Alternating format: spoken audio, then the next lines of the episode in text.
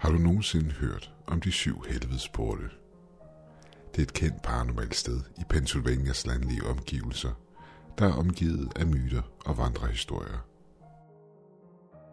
Jeg tog altid stedet for givet, da det kun lå omkring 25 km væk fra hvor jeg boede. Men det er åbenbart et landskendt fænomen, og nogle mennesker rejser flere hundrede kilometer for at besøge det. Nu har jeg aldrig været en, der troede på det paranormale. Hvis ikke der var konkrete beviser, så fandtes det ikke. Jeg var vel det, man vil kalde en logisk tænkende person. Du kender sikkert typen med garanti. Stort set alle mine venner var i den fase af livet, hvor de havde behov for at finde bevis på, at spøgelser og den slags fandtes. Vi var alle studerende, og vores aftener gik for det meste med at gå på spøgelsesjagt i skoven, der lå bag Mattis hus, hvor vi brugte et pendul samt et Ouija-board til at kommunikere med ånderne. Samt det, at vi engang prøvede at fremmane ånder ved hjælp af en hjemmelavet portal, lavet ud af forskellige ting, vi fandt i hendes køkken. Intet af det virkede overraskende nok. Jo, pendulet svingede, men det var selvfølgelig vinden. Og Ouija-brættet flyttede sig der også, men det blev styret af vores bevægelser. Intet overnaturligt der. Jeg var altid med, når vi lavede disse ting. Ikke fordi jeg troede på det, men fordi det var sjovt. Det var her Kenny bragte de syv helvedesporte op. Jeg var med det samme på. Når man ser bort fra, at stedet var indhyldet i paranormale myter og historier, så var der faktisk en historie bag stedet. I 1800-tallet var der et sindssygt hospital i Hellam, Pennsylvania. Det var dengang dem, der blev indlagt nogle steder, ikke altid blev behandlet pænt. Jeg tror ikke, jeg behøver at fortælle jer, hvad der skete med dem, der blev indlagt. Men en aften udbrød der brand på hospitalet, der hurtigt bredte sig. Da stedet lå isoleret for sig selv i midten af en skov, tog det myndighederne over 20 minutter at komme derud. Og da de endelig ankom, var der ikke meget, de kunne stille op. De fleste patienter blev opslugt af flammerne, men det lykkedes dog nogle enkelte at undslippe ind i skoven. Dog blev mange af dem fundet døde i det omkringliggende område senere hen på grund af røgforgiftning, eller også var de sultet ihjel eller blevet flået levende af skovens rovdyr. Alle sammen grusomme måder at dø på. Men jeg ønskede at se resterne af ruinen, der efter sine stadig befandt sig et sted bag den sjette port. Så jeg var på. Det var fredag aften, da vi tog afsted. Vi tog hjemmefra omkring kl. 22, så vi ville være ved ruinen omkring kl. 3, hvilket efter sine også ville være spøgelsestimen. Vi var fem i alt. Kenny, Maddie, Andrew, Laura og jeg selv. Vi stod sammen i Kennys gamle trok og satte kurs mod stedet. Så hvad håber I på at finde derude, spurgte jeg. Jeg vidste historierne fortalte om spøgelser og gik igen.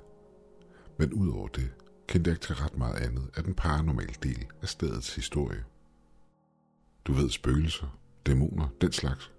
Hvad der nu har lyst til at vise os for os, svarede Kenny. Til at starte med virkede Maddie og Laura en smule nervøs, hvilket var en smule sært, når man tænker på de ting, vi ellers har lavet. Det var Laura, der først talte. Det kommer an på, hvor langt ind i skoven vi kommer. Jeg hørte, at Anders og Lawrence stod derud sidste uge, og de kunne komme forbi den tredje port, da de fortalte, at de begyndte at høre viskende stemmer, der skræmte den godt og grundigt. Jeg kvælte en latter. Anders og Lawrence var klassens klovn på skolen, og det at tage noget af det, de sagde for sandt, var næsten en joke i sig selv. Jeg har hørt, at hvis du klarer hele turen frem til den syvende port, så bliver du sendt direkte til helvede, for aldrig at vende tilbage derfra, sagde Maddie, imens hendes øjne scannede skovens mørke. Hvis altså helvede findes, stemte jeg, hvilket resulterede i et albuhug for Andrew. Efter 45 minutter nåede vi et ødelagt vejskilt med teksten Toad Road, der efter sine skulle være starten på de syv helvedes porte. Okay, lyt lige alle sammen. I er alle sammen jeres lomlygter og knive med, spurgte Kenny. Vi var alle blevet instrueret i at tage dem med af åbenlys grunden. Knivene var vel for at være i sikkerhed for spøgelserne. Eller noget. Jeg havde i hvert fald taget min med, bare for en sikkerheds skyld. Vi kunne være uheldige at løbe ind i et par prærieulve, hvilket der var mange af i området. Vi nikkede alle sammen til ham, for at fortælle ham, at vi alle havde husket tingene. Godt, sagde han.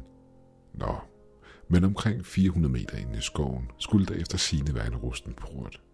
Det er den første port. Og så snart vi krydser den, vil vi være på djævelens hjemmebane, sagde Kenny med et smil på læben. Jeg rullede med øjnene og sendte et smil til Maddie, der virkede en smule nervøs. Jeg lagde min arme omkring hende og viskede, at alt nok skulle gå, og vi måske endelig ville finde vores bevis for det paranormale, så vi endelig kunne gå videre til en ny fase. Kenny begyndte at lede os igennem skoven. Det tog omkring 5 minutter at nå den første port, han havde snakket om. Og for at være helt ærlig, så ved jeg ikke, hvorfor alle var så hyped over det. Det var selvfølgelig en smule mærkeligt, at der stod en rust metallåge midt ude i skoven, uden at den sad fast til noget, og var overgroet af diverse planter. Men så igen, man kan finde rustmetal stort set alle vegne, så det var på ingen måde overraskende. De andre følte sig en smule nervøs og spændt på samme tid, da de så den. Så hvad vil der ske, når vi træder igennem, spurgte jeg, i forventning om, at svaret vil blive spøgefuldt. Den første port er ikke det vilde. Ifølge myterne, så er vi i øjeblikket længst væk fra hospitalet, så der er ikke så mange ånder her. De vil for det meste skubbe lidt til jer, eller også vil de føle et let pres for brystet. Men det er også alt. Og når ja, så vil jeres mobiler højst sandsynligt dø ud for strøm. Elektronik virker igen for portene, så sørg for at holde jer tæt sammen. Og skulle I blive væk fra gruppen, så gå tilbage til bilen, så I ikke forsvinder i skoven. Jeg har efterladt bilen ulåst, da vi er midt ude i ingenting, så I kan bare sætte jer ind og vente på os andre, hvis det skulle ske. Kenny slog på metalporten med sin lommelygte, hvilket fik lidt rust til at falde af, og med en dramatisk mine tog han et skridt igennem porten. Jeg var den næste, der trådte igennem porten, efterfulgt af resten af gruppen. Jeg følte mig på ingen måde anderledes, hvilket ikke kom som nogen overraskelse. Efter at have gået et par minutter, tjekkede jeg min telefon. Den var død. Hvilket var lidt mærkeligt, da der havde været omkring 80% tilbage på den, da vi havde forladt bilen. Der var åbenbart ingen service herude. Så er jeres telefoner også døde, spurgte jeg. Bare for at sikre mig, at jeg ikke var den eneste. En efter en tjekkede de deres, og en efter en nikkede de til mig. Alles telefoner var døde. Jeg var mere bekymret over at blive væk fra gruppen, end jeg var for, at det her det var et paranormalt fænomen.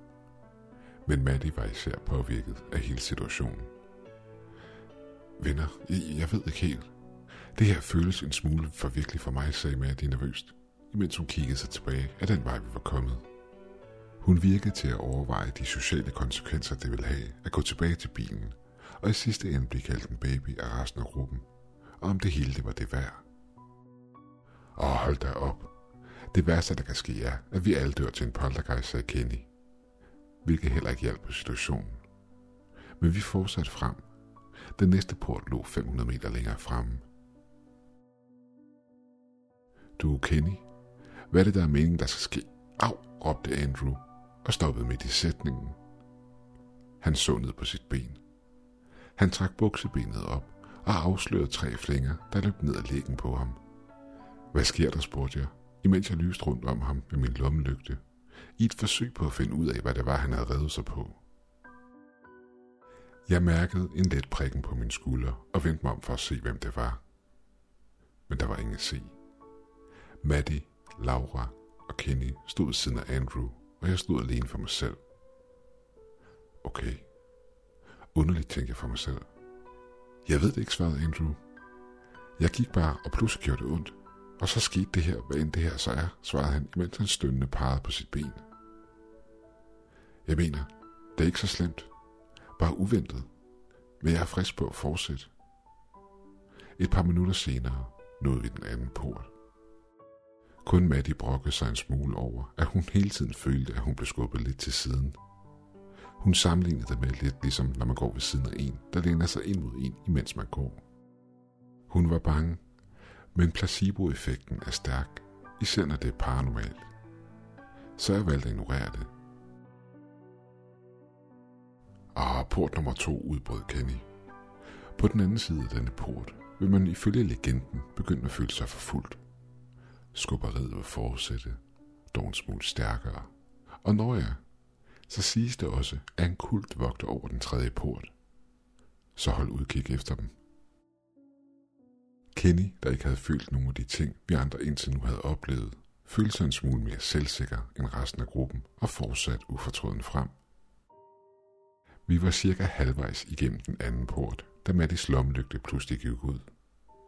Hun svor på, hun havde kommet nye batterier i. Men hvor alt er, så var vi en lommelygte fattigere.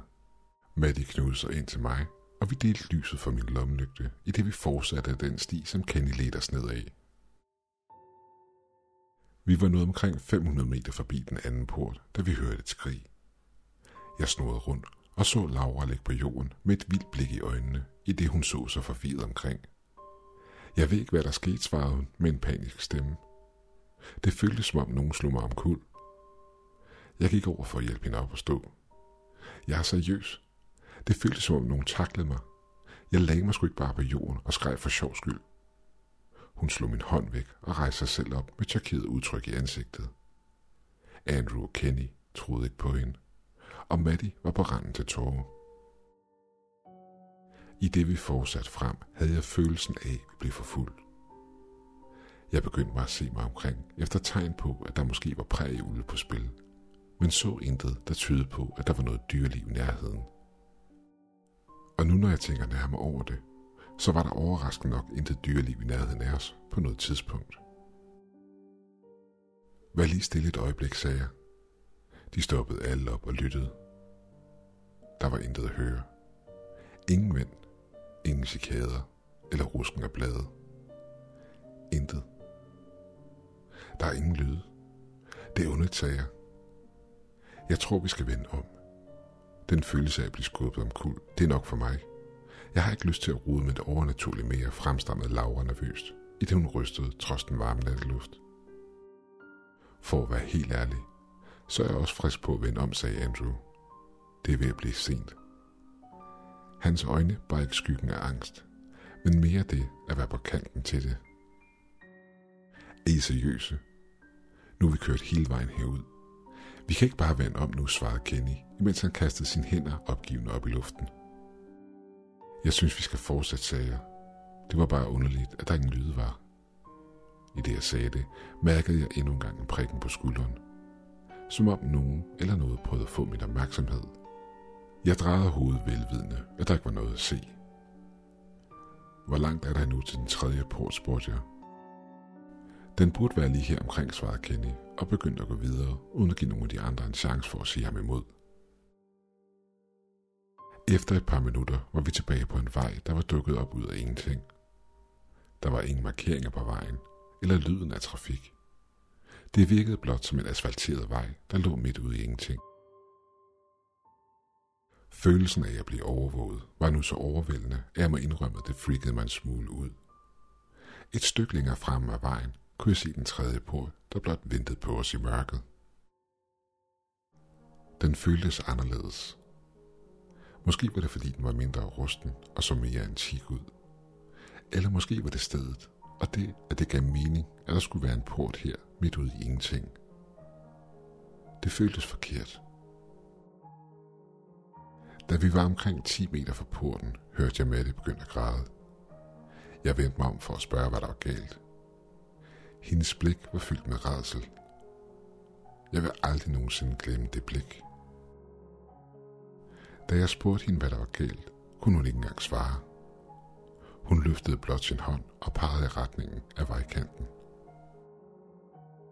I mørket, hvor vejen mødte skovkanten og træerne, sad der langs vejen i udkanten af vores lys hundredvis af lysende grønne øjne, der alle sammen stirrede på os. Det tog kun fem sekunder for resten af gruppen at se, hvad det var, Matte så. De grønne øjne oplyste skovens mørke på en unaturlig måde. Laura skreg, og Andrew får sammen i chok. Jeg kunne have sværet på at kende smilet en smule, som om han nu endelig havde sit bevis for det overnaturlige. Hans smil varede dog ikke længe. Jeg ved, han ønskede sig at se noget metafysisk mere end resten af nogen af os. Men det her var dog mere, end han havde ønsket sig. En efter en trådte, hvad der virkede som tusindvis af mænd ud af skoven på begge sider af vejen, imens de holdte, hvad der lignede våben i hånden. Mit hjerte sank. Maddie klyngede sig ind til mig og græd. Andrew så ud til at stige tomt ud i luften, som om hans hjerne ikke ville tillade ham at forstå, hvad det var, han var vidne til. Laura græd også, og Kenny havde en underlig grimasse i ansigtet, som om han prøvede på at se ud, som om han ikke var bange, i et forsøg på at beskytte sin sociale status i gruppen. Men i virkeligheden var han ved at skide bukserne. Skikkelserne var lydløse, i det de kom tættere på. De var menneskelige i form, men noget ved dem var forkert. Måske var det det, at de virkede mørkere, end de burde have været. Selv da de kom nærmere, kunne lyset fra vores lommelygter ikke oplyse dem. Eller måske var det det, at de nærmest virkede til at svæve hen over jorden, i det de kom nærmere. Måske var det lyden, de afgav. Den var lav, men statisk. Dog var det utroligt, at en lyd kan være så høj, når du ikke har hørt nogen former for lyde i de 45 minutter, det havde taget os at komme hertil. Tre af skikkelserne trådte ud på vejen imellem os og porten. Deres gennemborende blikke videde aldrig for os. En af dem trådte frem imod os med noget, der mest af alt mindede om en shotgun i hånden, imens de to andre stod med noget, der lignede køller af en slags. Vend om og forsvind herfra nu. Stemmen kom ikke fra manden med shotgunnen, men boomede i stedet for igennem luften fra alle sider. Som om det var hele skoven, der talte til os. Min første tanke var selvfølgelig at vende om på stedet og komme væk derfra, som alle normale mennesker ville have gjort. Men Kenny stirrede på skikkelsen med et drive og et formål, jeg aldrig havde set ham før. Han havde endelig gjort det. Endelig fået kontakt og set noget fra en anden verden med sine egne øjne. Det havde vi alle. Men i forhold til os andre, så havde det ikke skræmt Kenny. Han ville vide mere. Nej, vi fortsætter. Det her er en offentlig vej. Du kan ikke stoppe os. Jeg tror ikke på, at du vil trykke på den aftrækker, svarede Kenny igen. Han mente virkelig det, han sagde. Jeg forstod det ikke. Jeg kæmpede med hvert et fiber i min krop, for ikke at løbe panisk væk fra stedet. Jeg trådte et skridt frem og lagde min hånd på Kennys skulder og sagde, vi skal væk herfra nu. Jeg tror ikke, de her fyre, de joker. Jeg vendte mig om og så på resten af gruppen. Se på Maddie og Laura. Jeg pegede på de to piger. Laura gemte sit ansigt i sine hænder i et forsøg på at undgå sine omgivelser. Og Maddie prøvede at sætte et modigt ansigt op, men det lykkedes ikke rigtigt for hende. Vil du stikke halen imellem benene? Det her, det er jo kun for at skræmme os væk, Daniel. Der sker ind. Et smæld skar igennem nattestilheden, og jeg vidste med det samme, at shotgun var blevet affyret. Jeg havde ikke engang tid til at skrige, inden Kenny var væk. Jeg mener ikke død i min arme, men væk, som i væk. Der var intet spor af ham nogen steder. Han havde talt til mig et øjeblik, og i næste øjeblik var min hånd ikke længere på hans skulder, men svævede derimod den tomme luft foran mig. Skikkelserne fra skoven var også forsvundet. Kenny! Kenny! råbte jeg ud i mørket. Lydene var væk, sammen med skabningerne. Så det føltes som om min stemme kunne rejse langt i mørket. Men intet svar kom tilbage.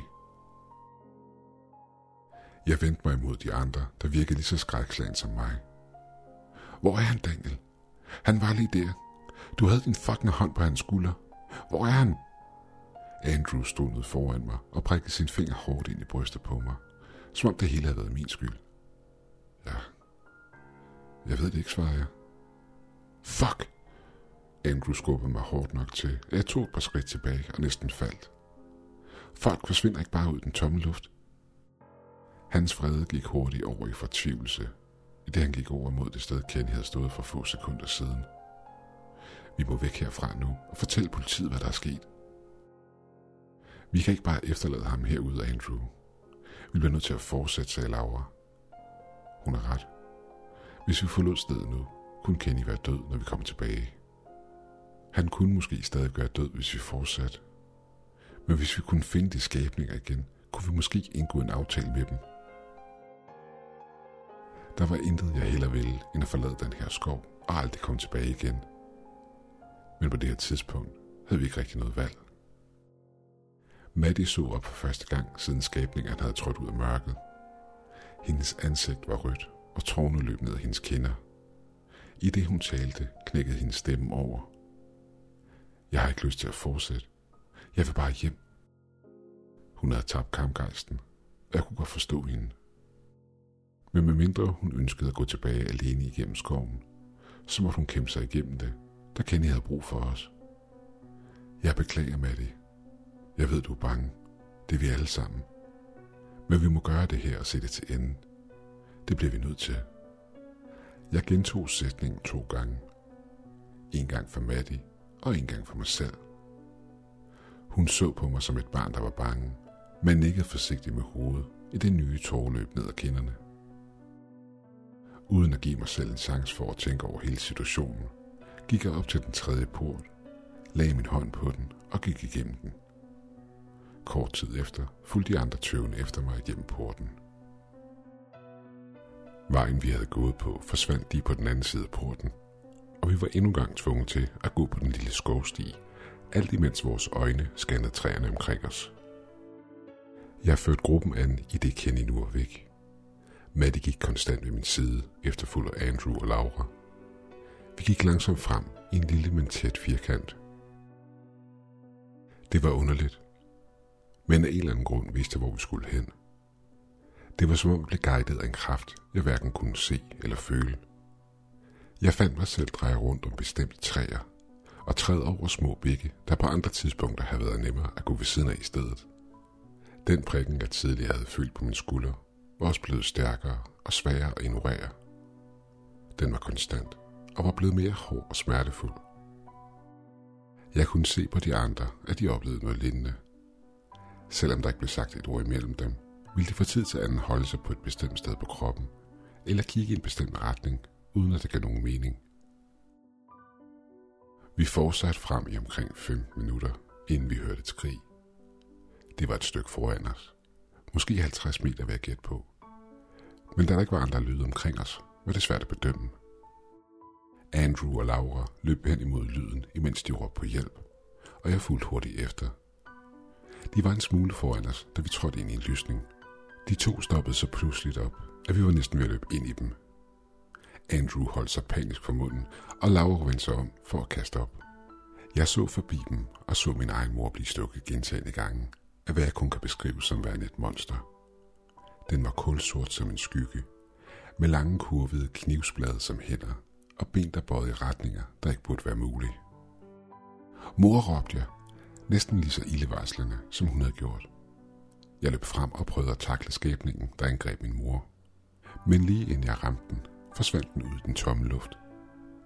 Jeg vendte mig om for at lede efter min mor, men hendes ansigt var blevet udskiftet med en andens. En gammel mand med blod på læben, som så på mig med et sindssygt blik i øjnene. Han slikkede sig om munden, i det han stirrede på mig, inden han selv forsvandt. Det tog mig et kort øjeblik, inden jeg kunne bevæge mig igen. Jeg havde ingen idé om, hvad der var virkeligt. Var det alt sammen bare hallucinationer? Det kunne det ikke være. Alle havde jo set det samme. Jeg havde intet svar. Ej heller ingen idé om, hvad det var, vi havde været vidne til. Jeg kæmpede imod lysten til at skrige og kaste op, og gik tilbage til resten af gruppen. Hvad fanden skal vi overhovedet gøre, hvis vi nogensinde finder ham, spurgte Andrew, imens han stirrede på det sted, hvor de to skabninger var forsvundet fra. Vi slår hvem ind, der tog ham ihjel, svarede Laura koldt. Det skræmte mig næsten mere at se den søde unge pige, der elskede at se make-up tutorials på YouTube og flirte med drenge på Twitter, være så afskåret fra sine følelser, end det gjorde at se disse skabninger. Med en fornyet kraft begyndte vi igen at gå stien. Min lommelygte svingede frem og tilbage mellem stien og skoven. Mere end nogensinde før. Der gik heller ikke lang tid, før vi nåede den fjerde port. Eller hvad jeg tror var den fjerde port. Der var ikke nogen fysisk port, men blot et mærke i jorden. Jeg gad ikke engang stoppe, men fortsatte blot med at gå igennem porten. Jeg vidste med det samme, at mine antagelser var rigtige. Det føltes som om luften omkring os med det samme faldt 20 grader. Vi hørte også lyde igen. Men det var ikke de sædvanlige lyde, man ville finde i en skov. Det var lyden af fjerne skrig og hyl. Da Maddie trådte igennem porten, frøs hendes ansigt fast i frygt, og hun så på mig. Jeg prøvede at smile beroligende til hende, men det gjorde ikke den store forskel. Hun vendte blot blikket nedad og trak sin jakke tættere ind omkring sig. Så der er ingen, der synes, vi skal snakke om, hvordan vi kom til den fjerde port, uden nogen form for stedsans. Andrew så på mig og pegede ned på jorden, der markerede den fjerde port. Den her port er måske 4 meter bred, i en skov, der er hvor stor. Hvordan fanden vidste vi overhovedet, at det her det var porten? Jeg kan ikke være den eneste, der bare har vidst det. Jeg ved det ikke. Jeg har ikke svaret. Vi bliver nok nødt til bare at fortsætte. Jeg ønsker ikke at blive for længe på et sted. Fuck det her, svarede Andrew, i det han lagde armen over kors, imens han skælvede i den pludselig opståede kulde. Men han fortsatte med at gå. Laura gik ved siden af ham, imens hun så tomt ud i luften og fokuseret på et ukendt punkt længere fremme, med den ene tanke om at komme levende igennem det her mareridt. Jo dybere vi kom ind i landet bag den fjerde port, jo sværere blev det at ignorere lydene, der fulgte efter os på vores tur. Det var tydeligvis skrig, og det kom tydeligvis i den retning, vi var på vej mod. Men så igen, så havde vi opgivet al rationel tankegang i samme øjeblik, vi havde besluttet at fortsætte dybere ind i den her helvedeskov, i stedet for at vende om og glemme det hele. Jeg ved, det lyder fucked up at sige, men selvom vi slipper ud herfra, så frygter jeg, at vores liv aldrig bliver det samme igen. Jeg kan ikke rigtig huske, hvornår, men på et tidspunkt begyndte billeder at flashe igennem mit hoved. Billeder, der ikke var mine egne. Jeg så æske og monstre. Endeløse sletter af sne og millioner af æderkopper, der kravlede langs jorden. De var skræmmende og flassede ind foran mit blik med minutters mellemrum. Jo dybere vi kom ind, jo længere blev de her syn. Alt jeg kunne gøre var at fokusere på at fortsætte frem.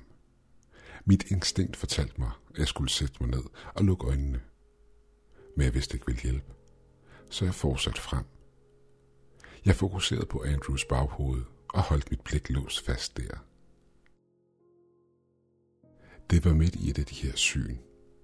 Et, hvor jeg fløj, og mine vinger var i brand, og jeg vidste, jeg ville falde ned og dø, at jeg hørte Matte skrige igen.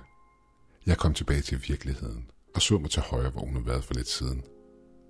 Hun var væk. Men ikke på samme måde som Kenny. Dengang var der et spor af blod. Men det gør det på ingen måde bedre. Hjælp! Jeg fulgte den svage stemme, og i træ så jeg Maddie sidde spidet til stammen. En tyk gren stak igennem hendes mave. Hun var ude for vores rækkevidde, og hendes øjne var ved at lukkes hurtigt. Maddie, bliv hos os. Vi skal nok hjælpe dig, råbte jeg panisk op til hende, imens min hjerne slog knuder på sig selv for at finde frem til en løsning på, hvordan vi skulle få hende ned. Jeg så mig omkring, og så Laura var på vej op ad stammen og op til grenen, der havde spidet hende. Jeg har dig, råbte Laura på roligende, imens hun arbejdede sig de 8 meter op i træet, hvor Maddie hang. Jeg havde glemt alt om, hvor god en klatre Laura var i skolen. Det var virkelig en evne, der kom til sin ret nu. Laura nåede frem til grenen og gjorde det eneste, hun kunne. Hun lagde Mattis hoved i sit skød og prøvede at trøste hende. Du bliver nødt til at få hende ned, råbte jeg op til Laura. Der var intet, hun kunne gøre. Bønfaldende råbte jeg op til hende igen. Please, prøv.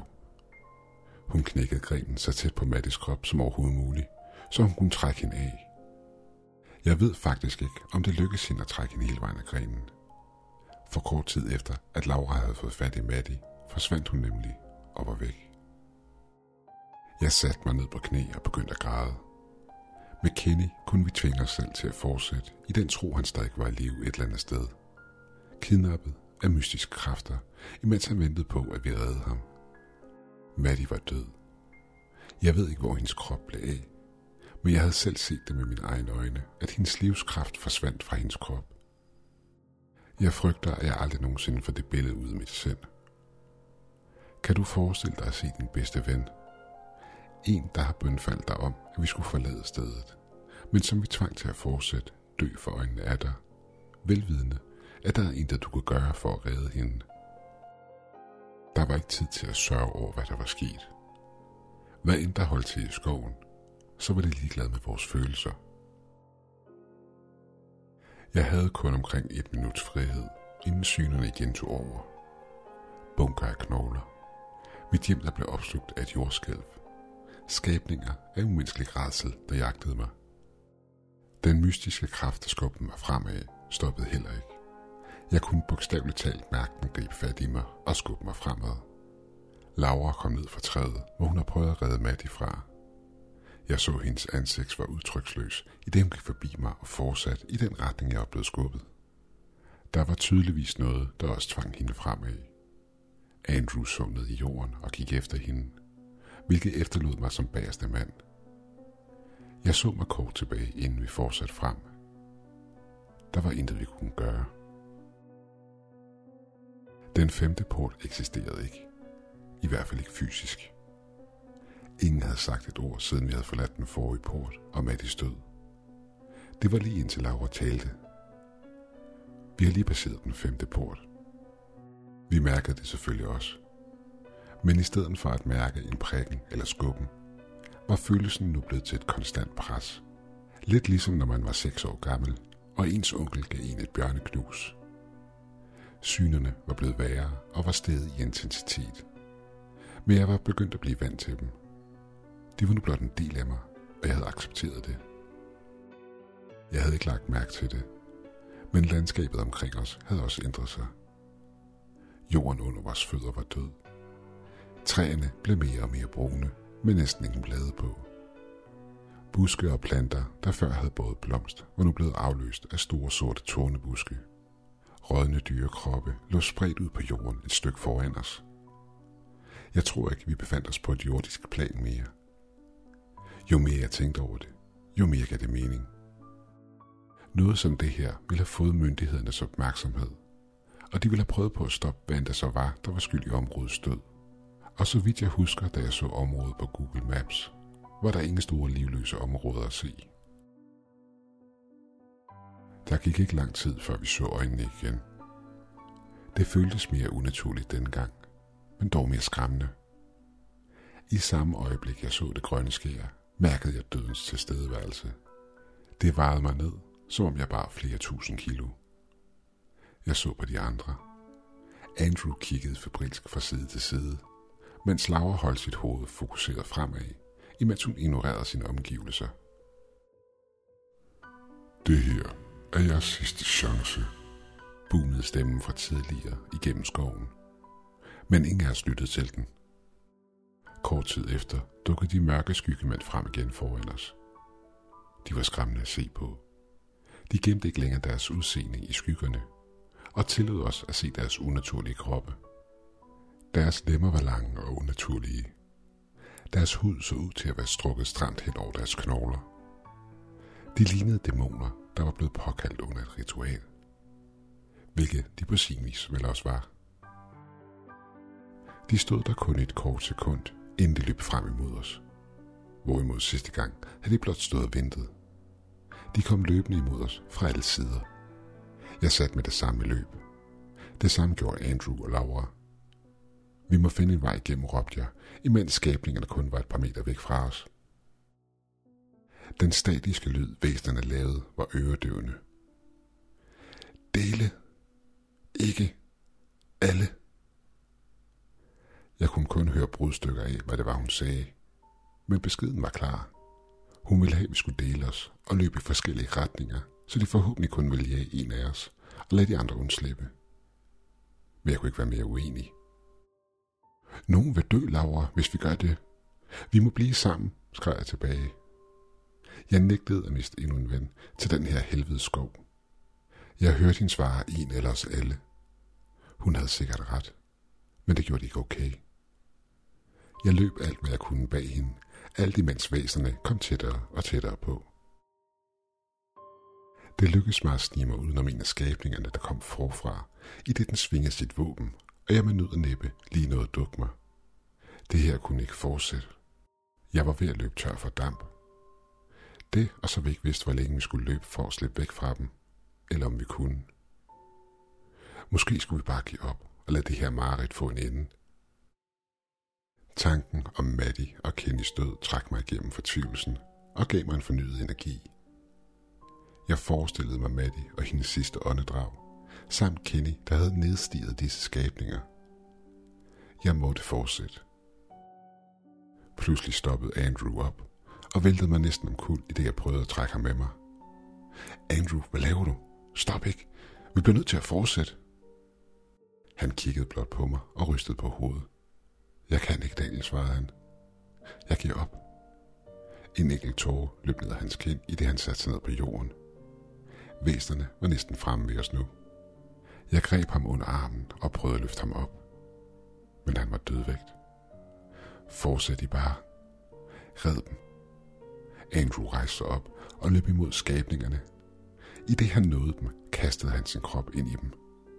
Jeg havde ikke lagt mærke til, at de væsener, der var foran os, nu var kommet frem til os. Men i stedet for at gribe fat i os, løb de forbi os og kastede sig over Andrew i stedet. Alt imens de flåede hans krop fra hinanden. Jeg kunne ikke holde synet ud, så jeg vendte mig om at løbe. Jeg så mig en sidste gang tilbage, inden jeg nåede op til Laura. Resterne af, hvad der var tilbage af Andrew, var forsvundet, sammen med skabningerne. Hvad gør vi nu, spurgte jeg Laura, i det jeg stoppede kort op for at få vejret. Vi er allerede døde, Daniel. Forstår du det ikke? Det var ikke et spørgsmål, og jeg så ingen sympati for vores fælles venner i hendes ansigt, og uden et ord fortsatte hun med at gå. Fremad mod den næste port. Et skridt nærmere helvede. Den sjette port kom og gik. Ingen af os sagde et ord. Jeg tror ikke, at nogen af os virkelig ved, hvorfor vi fortsat. Jeg tror kun, vi fortsat, fordi det at vende om virkede som spild af tid. Synerne havde totalt overtaget mit synsfelt. Jeg så kun redsler nu, i det mine ben fortsat frem af sig selv. Stilheden i skoven var blevet erstattet af redselskrig. I et kort øjeblik, hvor jeg var fri for synerne, så jeg ned på mine arme. De var dækket af store åbne sår. Jeg grinede for mig selv. Trods alt, så følte jeg ingen smerte. I det mindste ville døden være smertefri.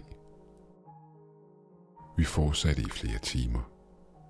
Til sidst forsvandt den lille tilstedeværelse, der havde guidet os hele vejen også. Vi vandrede formløst frem, uden at vide, hvor porten ville være. Jeg prøvede at tænke hele situationen igennem logisk, men det var svært, når man hele tiden skulle koncentrere sig om ikke at blive sindssyg. Pludselig slog det mig.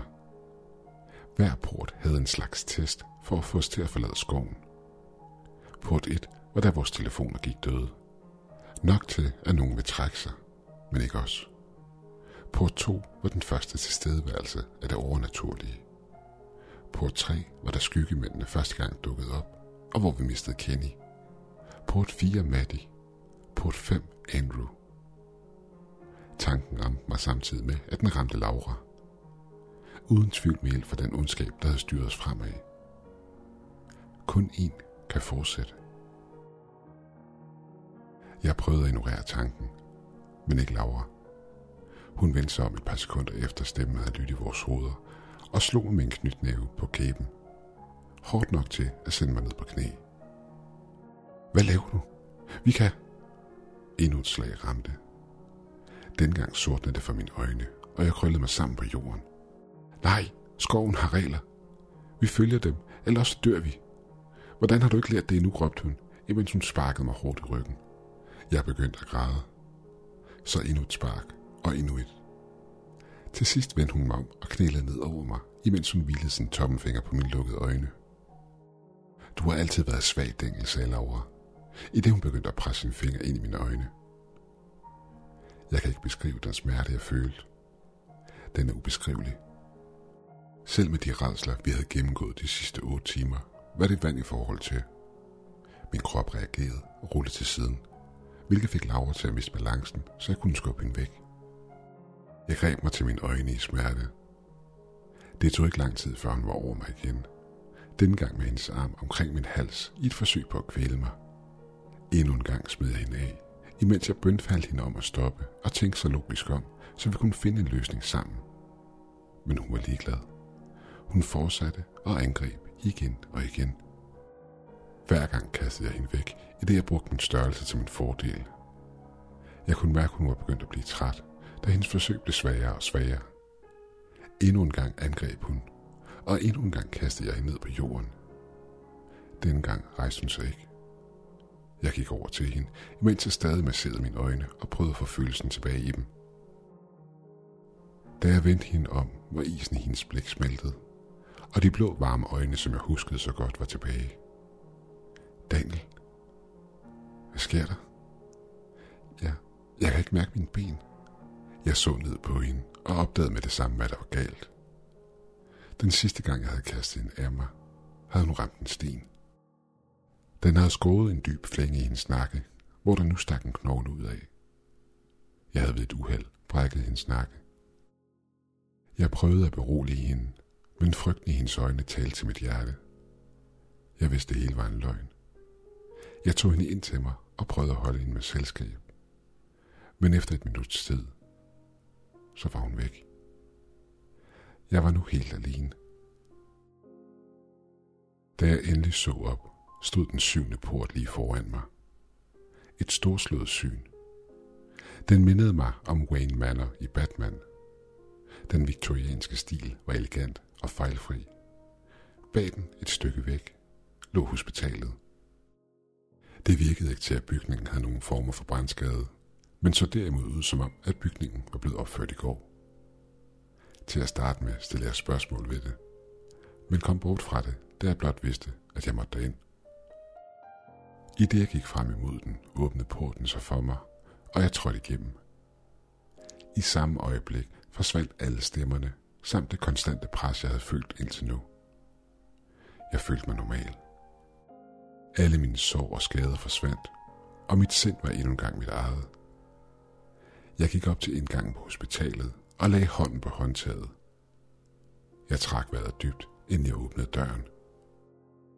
Der foran mig stod Kenny, Maddie, Laura og Andrew. Jeg ønskede at være lidt over at se dem igen, men synet gjorde det svært. De var blodige og forslået. Jeg prøvede at løbe imod dem, men en usynlig kraft holdt mig fra at træde ind i hospitalet. Stedet holdt dem fanget. En af skyggemændene trådte ud fra et mørkt hjørne i rummet og lod sit svær falde over Kenny, der lod et raseskrig undslippe, efterfulgt af et råb på hjælp. Jeg hamrede på den usynlige væg og skreg, men de kunne ikke høre mig. Red dem alle, eller red dig selv, boomede den velkendte stemme fra tidligere igennem luften. Jeg vendte mig rundt og så skabningerne stå lige bag mig. Varmen fra deres ånde ramte mig i ansigtet. For en gang skyld virkede deres tilstedeværelse ikke troende, men spørgende. Jeg prøvede at slå ud efter dem, men min hånd gik lige igennem dem. Hvad mener I, råbte jeg.